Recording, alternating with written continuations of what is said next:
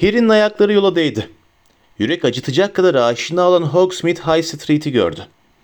Karanlık dükkan cepheleri, köyün gerisindeki kara dağların silüeti, ilerideki yolda Hogwarts'a giden dönemeç ve üç süpürgenin pencerelerinden vuran ışık. Kalbi hoplayarak ve iliklerine işleyen bir netlikle yaklaşık bir yıl önce umarsızca zayıf olan Dumbledore'a destek olarak oraya nasıl indiğini hatırladı. Bütün bunlar bir saniyede iniş sırasında meydana geldi. Ve sonra daha Ron ve Hermione'nin kollarının tutuşu gevşemeden olan oldu.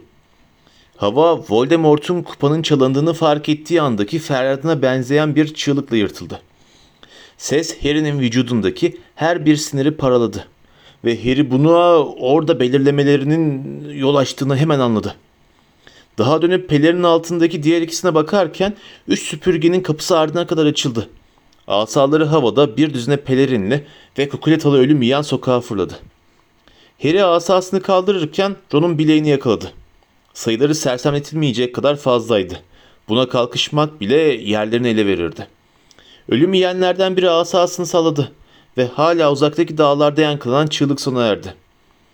Akıyor pelerin diye kükredi ölüm yiyenlerden biri. Harry pelerinin katlarını kavradı ama pelerin kaçmaya kalkmadı. Ça- çağırma büyüsü ona işlememişti. Demek kılıfının içinde değilsin öyle mi Potter diye haykırdı büyüyü denen ölüm yiyen. Sonra da arkadaşlarına bağırdı. Etrafa dağılın burada. Ölüm yiyenlerden altı tanesi onlara doğru koştu. Harry, Ron ve Hermione mümkün olduğu kadar çabuk geri çekildiler. En yakındaki yan sokağa girdiler. Ölüm yiyenler onları birkaç santim farkla kaçırdı. Karanlıkta bekleyip aşağı yukarı koşturan ayak seslerini dinlediler. Ölüm yiyenlerin etrafı tarayan asalarından çıkan ışık hüzmeleri sokak boyunca uçtu. Gidelim buradan diye fısıldadı Hermione. Hemen buharlaşalım. Harika fikir dedi Ron. Ama Harry cevap veremeden bir ölüm yiyen haykırdı. Burada olduğunuzu biliyoruz Potter. Buradan çıkış yok. Seni bulacağız. Bizi bekliyorlardı diye fısıldadı Harry. Onlara geldiğimizi haber versin diye o büyüyü yapmışlar. Sanırım bizi burada tutmak için de bir şey yapmışlardır. Bizi kapana kıstırmak. Ruh emicilere ne dersiniz? diye seslendi başka bir ölüm yiyen. Onları salın. Onu çabucak bulurlar. Karanlık Lord Potter'ın başkasının eliyle öldürülmesini istemiyor. Sadece kendi. Zaten ruh emiciler de onu öldürmeyecek. Karanlık Lord Potter'ın canını istiyor, ruhunu değil. Önce öpülürse öldürmesi daha kolay olur. Onaylayan bir takım sesler duyuldu. Harry'nin içini korku doldurdu. Ruh emicileri püskürtmek için patronus yapmak zorunda kalacaklardı. Bu da onları anında ele verecekti. Buharlaşmaya çalışmamız gerek Harry diye fısıldadı Hermione. Daha o bunu söylerken Harry sokağa yığılmaya başlayan olağan dışı soğuğu hissetti. Çevrelerindeki ışık ta yıldızlara kadar çekilip alınmıştı. Yıldızlar da yok olmuştu. Zifiri karanlıkta Hermione'nin kolunu tuttuğunu hissetti ve birlikte olduğu yerde döndüler. Normalde içinde hareket ettikleri hava katılaşmıştı. Buharlaşamıyorlardı. Ölüm yiyenler büyülerini iyi tutturmuştu. Soğuk Harry'nin etini gittikçe daha da çok ısırıyordu. O, Ron ve Hermione yan sokaktan geri çekildiler. Yollarını el yordamıyla duvara dokunarak tayin ediyor, hiç ses çıkarmamaya çalışıyorlardı. Sonra köşeden kara pelerinleri ve lekeli ve çürümekte olan elleriyle zerrece gürültü çıkarmadan kayarcasına hareket eden ruh emiciler geldi. Sayıları ondan fazlaydı. Çevrelerinden daha koyu bir siyah renkte oldukları için görülebiliyorlardı. Civarlarındaki korkuyu sezebiliyorlar mıydı? Harry bundan emindi. Şimdi çok daha çabuk geliyor gibiydiler. İğrendiği o hırıltılı nefesleriyle ağır ağır soluyorlardı. Havadaki mutsuzluğu hissediyor, yaklaşıyorlardı. Asasını kaldırdı. Ruh emici öpücüğüne hedef olamazdı. Olmayacaktı. Sonradan ne olursa olsun. Fısıldarken Ron ve Hermione'yi düşündü. Expecto patronum. Gümüş çatal boynuzlu geyik asasından fırlayıp çıktı ve saldırdı. Ruh emiciler kaçıştı. Görünmeyen bir yerden muzaffer bir çığlık yükseldi. Bu o. Aşağıda, aşağıda patronusunu gördüm. Çatal boynuzlu geyikti. Ruh emiciler geri çekilmişti. Yıldızlar yine çıkıyordu ve ölüm yiyenlerin ayak sesleri gittikçe yaklaşıyordu. Ama panik içindeki Harry ne yapacağına henüz karar veremeden yakında bir sürgü gıcırdadı. Dar sokaktan sol yanında bir kapı açıldı ve kaba bir ses ''Potter, içeri çabuk'' dedi. Harry hiç duraksamadan onun dediğini yaptı. Üçü birden açık kapıdan içeri girdi. Üst kata, pelerini çıkarmayın, sesinizi de çıkarmayın diye mırıldandı. Uzun boylu biri. Yanlarından geçip sokağa çıktı. Kapıyı arkasından vurup kapattı. Harry'nin nerede bulundukları konusunda hiç fikri yoktu ama şimdi tek bir mumun titreyen ışığında domuz kafasının pis ve dağınık, talaş serpilmiş tanıdı. Tezgahın arkasından koştular. Sallanan bir ahşap merdivene giden ikinci bir kapıdan geçip basamakları olabildiğince süratle çıktılar. Merdiven bir oturma odasına açılıyordu. Odanın içinde hava dökülmüş bir halı ve küçük bir şömine vardı.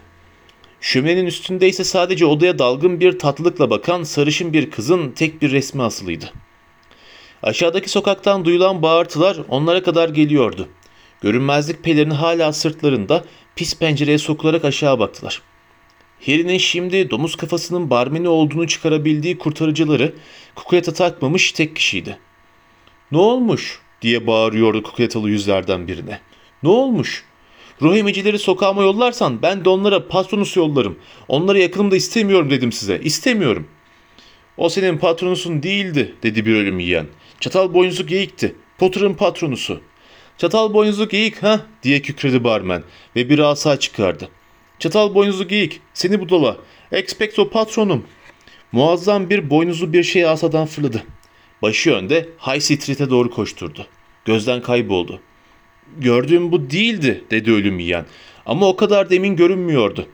Sokağa çıkma yasağı bozuldu. Gürültüyü duydun dedi arkadaşlarından biri barmene. Biri sokaktaydı. Kural- Kurallara karşı. Kedimi dışarı çıkarmak istersem çıkarırım. Sizin sokağa çıkma yasağınızın da canı cehenneme. Azgın kedi büyüsünü sen mi tetikledin yani? Tetiklediysem ne olmuş? Beni Azkaban'a mı postalayacaksınız? Burnumu kapımdan dışarı uzattım diye öldürecek misiniz? Yapın öyleyse. Yapmak istiyorsanız yapın. Ama sizin hayrınıza umarım ki küçük kara işaretlerinize basıp onu çağırmamışsınızdır. Ben ve ihtiyar kedim için buraya çağrılmaktan hiç hoşlanmazdı değil mi? Sen bizim için üzülme dedi ölüm yiyenlerden biri. Kendin için üzül. Sokağa çıkma yasağını bozmuşsun. Peki benim meyhanem kapanınca iksir ve zehir alışverişini nerede yapacaksınız bakalım? O zaman ek işlerinizde de ne olacak?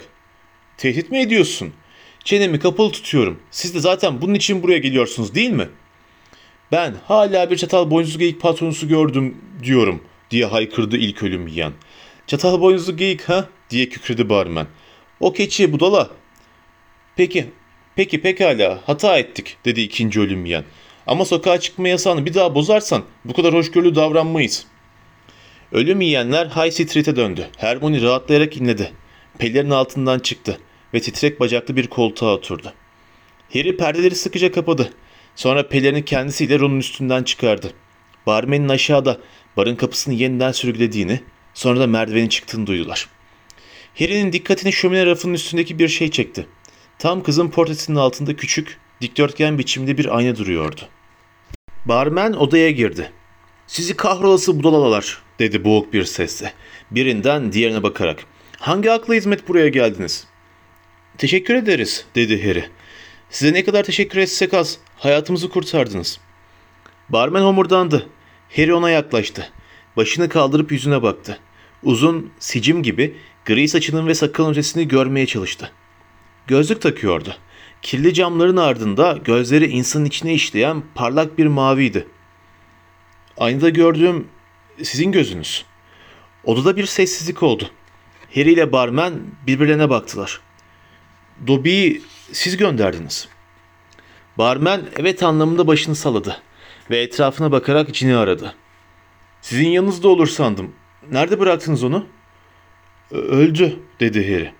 Onu Bellatrix Lestrange öldürdü. Barmenin yüzünden duyguları belli olmuyordu. Biraz sonra bunu duyduğuma üzüldüm. O cini severdim dedi. Adam geri döndü. Asasıya dürterek lambaları yaktı. Hiçbirine bakmıyordu. Siz Aberforth'sunuz dedi Harry adamın suratına. Adam ne doğruladı ne yalanladı sadece ateşi yakmak için eğildi. Bunu nasıl ele geçirdiniz diye sordu Harry. Odayı geçip Sirius'un aynasına. Neredeyse iki yıl önce işini kırdığı aynaya yürüdü. Bir yıl kadar önce Dunk'tan satın aldım dedi Aberforth. Albus bana ne olduğunu söyledi. Sana göz kulak olmaya çalışıyorum bir süredir. Ron nefesini tuttu. Gümüş moral dedi heyecanla. O da siz miydiniz? ne diyorsun sen? dedi Aberford. Biri bize bir maral pot- patronus gönderdi. Yani bu zekayla ölüm yiyen olabilirmişsin oğlum. Az önce patronusumun keçi olduğunu kanıtlamadın mı? Aa dedi Ron. Evet eh karnım aç diye ekledi kendini savunarak. Tam o sırada karnı fena halde guruldarken. Yiyeceğim var dedi Aberford ve odadan dışarı ağır ağır yürüdü. Bir süre sonra da koca bir somun ekmek, peynir ve kalaylı güğümde şarap getirip ateşin önündeki küçük masaya koydu. Kurt gibi acıkmışlardı.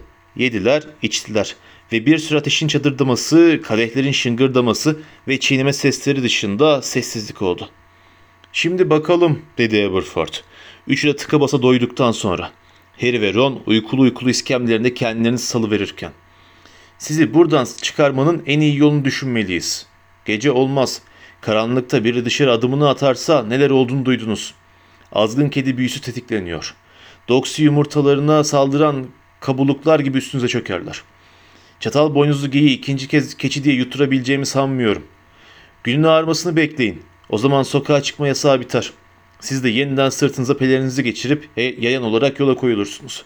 Dost doğru Hogsmeade'in dışına. Dağlara çıkıp oradan buharlaşabilirsiniz. Hagrid'i de görebilirsiniz. Onu tutuklamaya kalkıştıklarından beri orada bir mağarada Grop'la birlikte saklanıyor. Gitmiyoruz dedi Harry. Hogwarts'a girmeliyiz. Aptallaşma çocuk dedi Aberford. Girmemiz şart dedi Harry. Şart olan dedi Aberford öne eğilerek. Buradan gidebildiğiniz kadar uzağa gitmeniz. Anlamıyorsunuz. Fazla vaktimiz kalmadı. Şatoya girmemiz şart. Dumbledore yani abiniz demek istiyorum. Bizden bir şey istemişti. Ateşin ışığı Aberford'un gözlüğünün kirli camlarını bir an için donuklaştırdı. Açık düz bir beyaz. Harry de örümcek Aragog'un kör gözlerini hatırladı. Abim Albus pek çok şey isterdi dedi Aberford. Ve o muhteşem planlarını uygularken insanlar hep incinirdi. Öyle de bir huyları vardı. Bu okuldan uzaklaş Potter. Mümkünse bu ülkeden de. Abim ve onun zekice entrikalarını unut. Bunların hiçbirinin onu incitmeyeceği bir yere git. Ve gitti ve sen de ona hiçbir şey borçlu değilsin. Anlamıyorsunuz dedi Harry yeniden. Ya anlamıyorum öyle mi? dedi Aberford usulca. Kendi kardeşimi anlamıyor muyum sanıyorsun? Albus'u benden iyi tanıma, tanıdığını mı sanıyorsun? Öyle demek istemedim dedi Harry. Beyni bitkinlikten ve yiyecekte şarap bulduğundan tembelleşmiş gibiydi. Şey bana bir görev bıraktı. Bak sen öyle mi dedi Aberford. Güzel bir görevdir umarım ha? Hoş mu? Kolay mı? Vasıfsız bir büyücü çocuğun kendini zorlamadan yapması beklenecek bir şey mi? Ron hayli neşesizce güldü. Hermione gerilmiş görünüyordu. Ben şey kolay değil hayır dedi Harry. Ama gitmem şart. Şart mı? Niye şartmış ki? O öldü değil mi? dedi Aberford sertçe. Bırak ucunu oğlum. Yoksa sen de onun arkasından gidersin. Kendini kurtar. Yapamam. Neden? Ben... Harry bunaldı. Açıklayamazdı. Onun yerine saldırmayı seçti. Ama siz de mücadele ediyorsunuz. Zümrüt Anka yoldaşlığındasınız. İdim, dedi Aberford. Zümrüt Anka yoldaşlığının işi bitti. Kim olduğunu bilirsin sen kazandı. Her şey bitti. Ve öyle değilmiş gibi davranmaya kalkışan kendini kandırır. Burası senin için asla emniyetli olmayacak Potter. Seni fena halde istiyor. Onun için yurt dışına git, saklan, kendini kurtar. En iyisi bu ikisini de yanında götür. Parmağıyla Ron ve Hermione'yi gösterdi. Artık yaşadıkları sürece tehlikede olacaklar. Çünkü herkes seninle çalıştıklarını biliyor. Gidemem, dedi Harry. Bir görevim var. Başkasına ver. Veremem. Ben olmalıyım. Dumbledore hepsini açıkladı. Bak sen, öyle mi? Ve sana her şeyi anlattı mı? Sana karşı dürüst davrandı mı? Harry bütün kalbiyle evet demek istiyordu. Ama nedense bu basit kelime kulaklarına, dudaklarına erişemedi. Aberford onun ne düşündüğünü biliyor gibiydi. Ben kardeşimi tanırım Potter. Gizli diye annemizin dizi dibinde öğrendi o. Sırlar ve yalanlar. Öyle büyüdük biz. Ve Albus. Onun tanrı vergisi bir yeteneği vardı. İhtiyar adamın gözleri şömine rafının üstündeki kız tablosuna gitti. Harry şimdi etrafa doğru düz bakınca onun odadaki tek resmi olduğunu gördü. Albus Dumbledore'un da başka kimsenin de fotoğrafı yoktu. Bay Dumbledore dedi Hermione hayli ürkek şekilde. Bu kız kardeşiniz mi? Ariana mı? Evet dedi aksi aksi Aberford. Demek Rita Skeeter'ı okudun öyle mi küçük hanım? Elphys Dodge bize ondan söz etti, dedi Harry. Hermione'yi kurtarmaya çalışarak. O ihtiyar ahmak, diye mırıldandı Aberford. Şaraptan bir yudum daha alarak. Abimin her deliliğine güneş açtığını sanıyordu. Evet, ona bakarsanız pek çok kişi öyle sanıyordu. Siz üçünüz de buna dahilsiniz göründüğü kadarıyla. Harry sesini çıkarmadı. Dumbledore konusunda aylardır kafasını kurcalamış olan kuşkuları ve belirsizlikleri dile getirmek istemiyordu. Dobby'nin mezarını kazarken seçimini yapmıştı. Albus Dumbledore'un ona, ona gösterdiği dolan başlı, tehlikeli yola devam etmeye, bilmek istediği her şeyin kendisine söylenmediğini kabul etmeye ve güvenmeye karar vermişti. Artık kuşku duymayı hiç mi hiç istemiyordu. Onu amacından saptıracak hiçbir şey duymak istemiyordu. Aberford'un abininkine çarpıcı derecede benzeyen parlak mavi gözlerine baktı. Onun bakışları da hedefinin röntgenini çektikleri şeklinde bir izlenim uyandırıyordu. Aberford onun ne düşündüğünü bildiğini, bu yüzden onu küçüktü gördüğünü düşündü Harry. Profesör Dumbledore Harry'e değer verirdi. Hem de çok, dedi Hermione alçak sesle. Bak sen, öyle mi? dedi Aberford. Tuhaftır. Abimin çok sevdiği insanların büyük kısmı sonunda onları kendi haline bıraksa düşeceklerinden çok daha beter duruma düştüler. Ne demek istiyorsun? dedi Hermione soluğu kesilerek. Boş ver, dedi Aberford. Ama çok ciddi bir şey söylüyorsunuz, dedi Hermione. Yoksa siz, siz kardeşinizden mi söz ediyorsunuz? Aberford gözlerinden ateşler saçarak ona baktı. Dudakları sanki söylemekten kaçındığı kelimeleri çiğniyormuş gibi hareket ediyordu. Sonra aniden konuşmaya başladı. Kız kardeşim 6 yaşındayken 3 muggle olanın hücumuna uğradı. Onun üzerine çullandılar. Arka bahçe çitinin arasından gizlice gözleyip sihir yaptığını görmüşlerdi. Çocuktu. Kontrol edemiyordu. O yaşta hiçbir cadı ya da büyücü edemez zaten. Gördükleri şey onları korkuttu sanırım. Zorla çitten içeri girdiler. Ve kardeşim onlara numarasını gösteremeyince küçük ucubenin bunu yapmasını durdurmaya çalışırken biraz ileri gitmişler. Hermione'nin gözleri ateşin ışığında fal taşı gibi açılmıştı. Ron biraz midesi bulanmış gibi görünüyordu. Aberford ayağa kalktı. Albus kadar uzun boyluydu ve öfkesiyle acısının yoğunluğuyla birden korkunç bir hal almıştı. Bu onu mahvetti. Ona yaptıkları bir daha hiç düzelmedi. Sihir kullanamıyordu. Ama ondan kurtulamamıştı da. Sihir içe doğru döndü ve onu çıldırttı. Kontrol edemediği zaman içinden patlarcasına çıkıyor ve bazen Ariana garip ve tehlikeli hale geliyordu. Ama çoğu zaman tatlıydı, ürkekti ve zararsızdı. Ve babam bunu yapan piçlerin peşine düştü, dedi Aberford. Ve onlara saldırdı. Bu yüzden onu Azkaban'a kapattılar. Bunu niye yaptığını asla söylemedi. Çünkü eğer bakanlık Arya'nın ne hale geldiğini öğrense bir daha çıkmamak üzere Aziz Mungo'ya kapatılırdı. Böyle dengesiz olduğu için daha fazla içine tutamadığı zamanlarda sihir patlayarak dışarı çıktığı için onu uluslararası gizlilik nizamnamesi için ciddi bir tehdit sayarlardı. Onun güvende olmasını sağlamak ve sessiz olmak zorundaydık. Taşındık. Onun hasta olduğu haberini yaydık ve annem ona baktı. Onu sakin ve mutlu tutmaya çalıştı. En sevdiği bendim dedi. Bunu derken Aberford'un kırışıklarıyla Arap saçına dönmüş sakalının arasından kirli bir okul çocuğu bakıyordu sanki. Albus değil. O evdeyken hep yatak odasına çıkardı. Kitaplarını okur ve ödüllerini sayardı. O günlerin en önde gelen sihirli adlarıyla yazışmayı sürdürürdü diye alaycı alaycı güldü Aberford. O Ariana ile uğraşmak istemezdi. Kız kardeşim en çok beni severdi. Annemin hatırı için yemek yemediği zaman ben yemesini sağlayabilirdim. Öfke nöbetlerinden birine kapılınca ben onu sakinleştirebilirdim. Ve sessiz olduğu zamanlarda da keçileri beslememe yardımcı olurdu. Sonra 14 yaşındayken ben orada değildim dedi Aberford. Orada olsam onu sakinleştirebilirdim. Öfke nöbetlerinden birine kapıldı. Annem eskiden olduğu kadar genç değildi ve bir kazaydı. Ariana kontrol edemedi. Ama annem ölmüştü artık.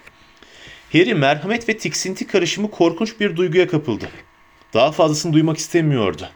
Ama Aberford konuşmaya devam etti.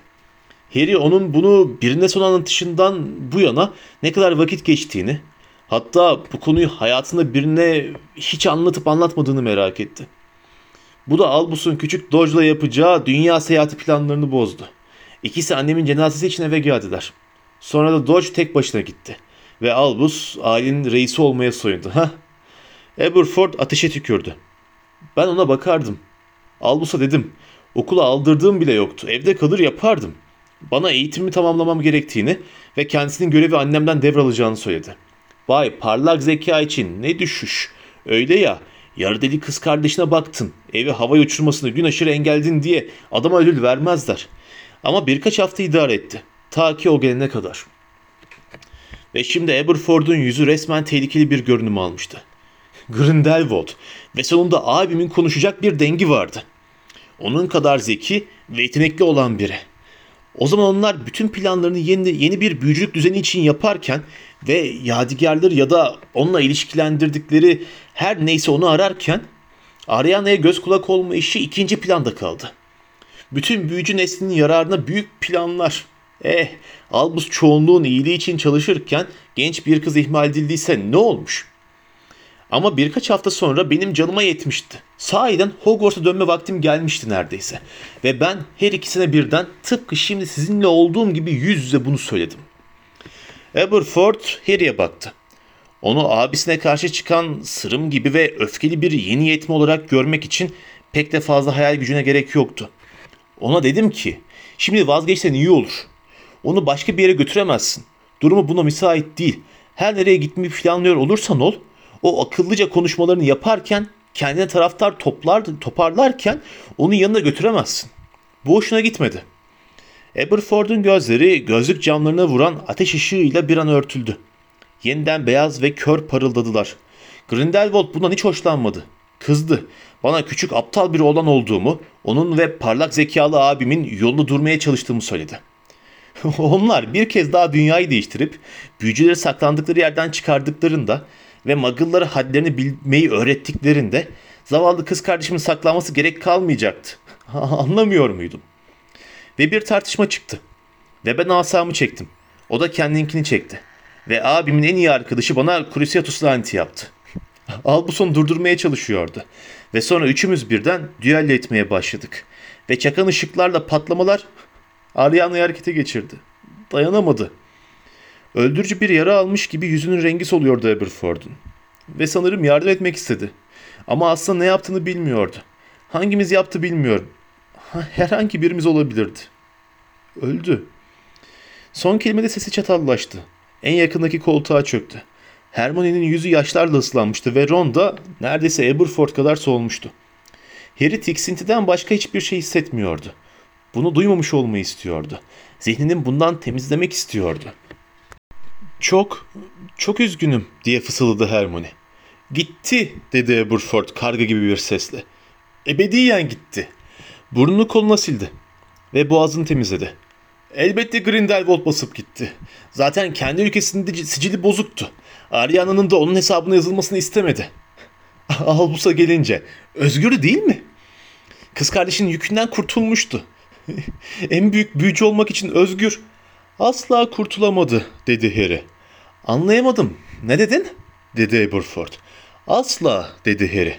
Abiniz öldüğü gece onu çıldırtan bir iksir içti. Bağırmaya başladı. Orada olmayan birine yalvarıyordu. Onları incitme lütfen. Beni incit, onların yerine. Ron ve Hermione gözlerini dikmiş Harry'e bakıyorlardı. Göldeki adada olup bitenler konusunda asla ayrıntıya girmemişti. Dumbledore'la birlikte Hogwarts'a dönmelerinden sonraki olaylar bunları öyle gölgede bırakmıştı ki. Sizinle ve Grindelwald'la orada olduğunu düşünüyordu. Öyleydi, biliyorum, dedi Harry.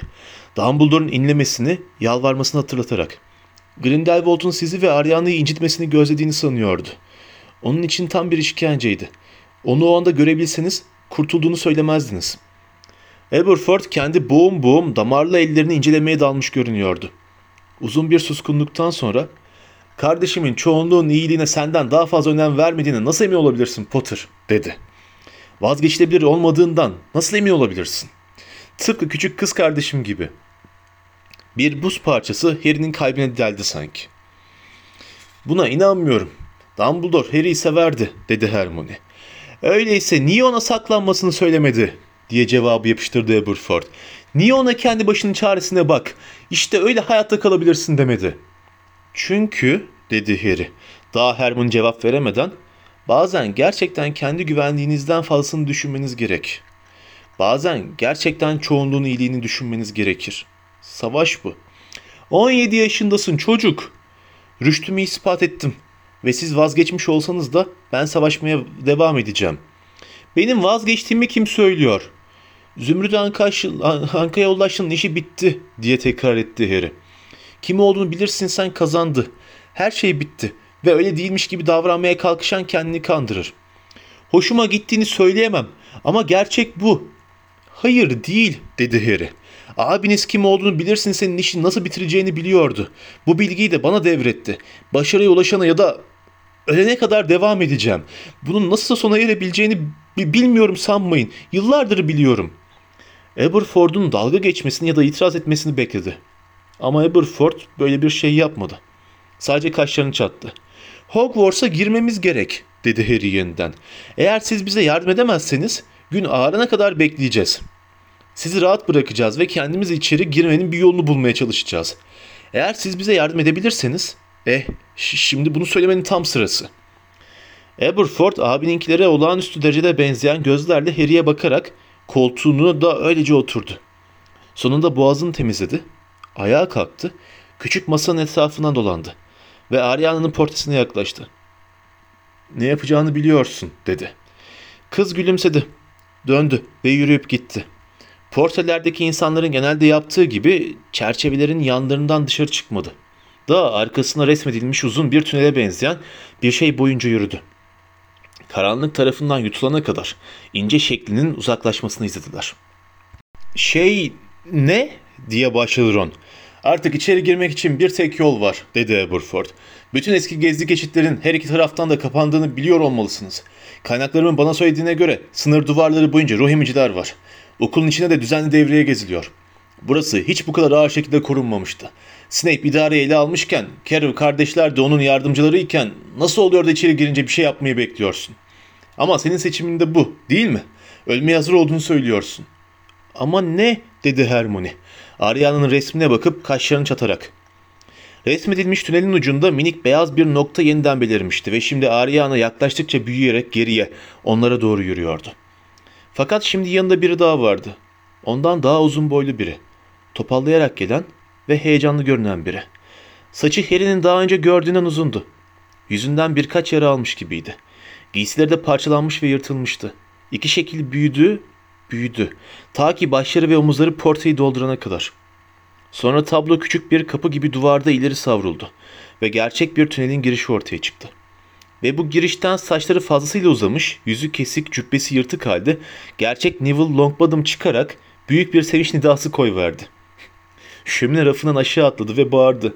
Geleceğini biliyordum. Biliyordum Harry.